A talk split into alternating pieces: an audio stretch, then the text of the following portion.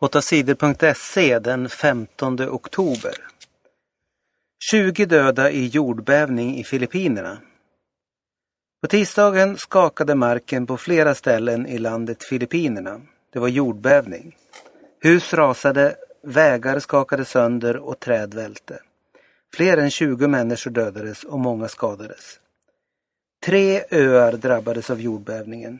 Värst var det på ön Cebu. 15 människor dog där. Polis åtalas för våld mot full man.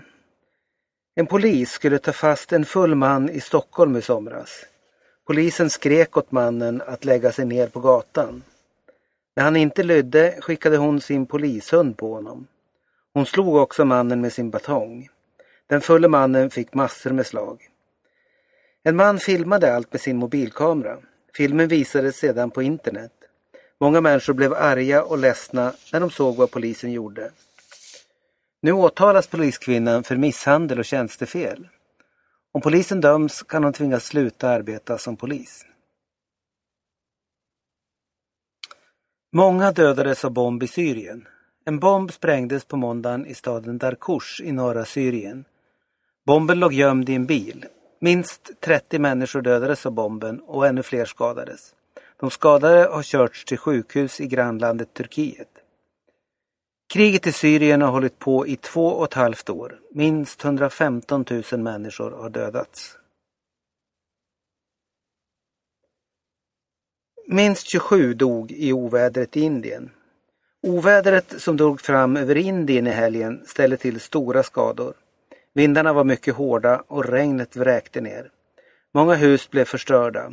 Elledningar och vägar förstördes. Träd föll omkull. Det här var den värsta stormen i Indien på 14 år. Fler än en miljon människor fick lämna sina hem och fly undan stormen. Minst 27 människor dog i ovädret.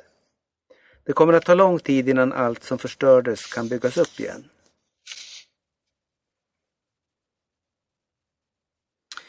Festande politiker ska betala tillbaka. Politiker i Staffanstorps kommun åkte varje år till en bostadsmässa i staden Cannes. Politikerna åt goda middagar och drack sprit på resorna. Kommunen betalade festandet. Det här avslöjade tv-programmet Uppdrag granskning för ett tag sedan. Nu har politikerna i Staffanstorp bestämt att de ska betala tillbaka en del av pengarna.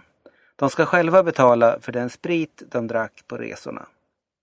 Kommunens chefer säger att det ska bli hårdare regler för hur skattebetalarnas pengar ska användas.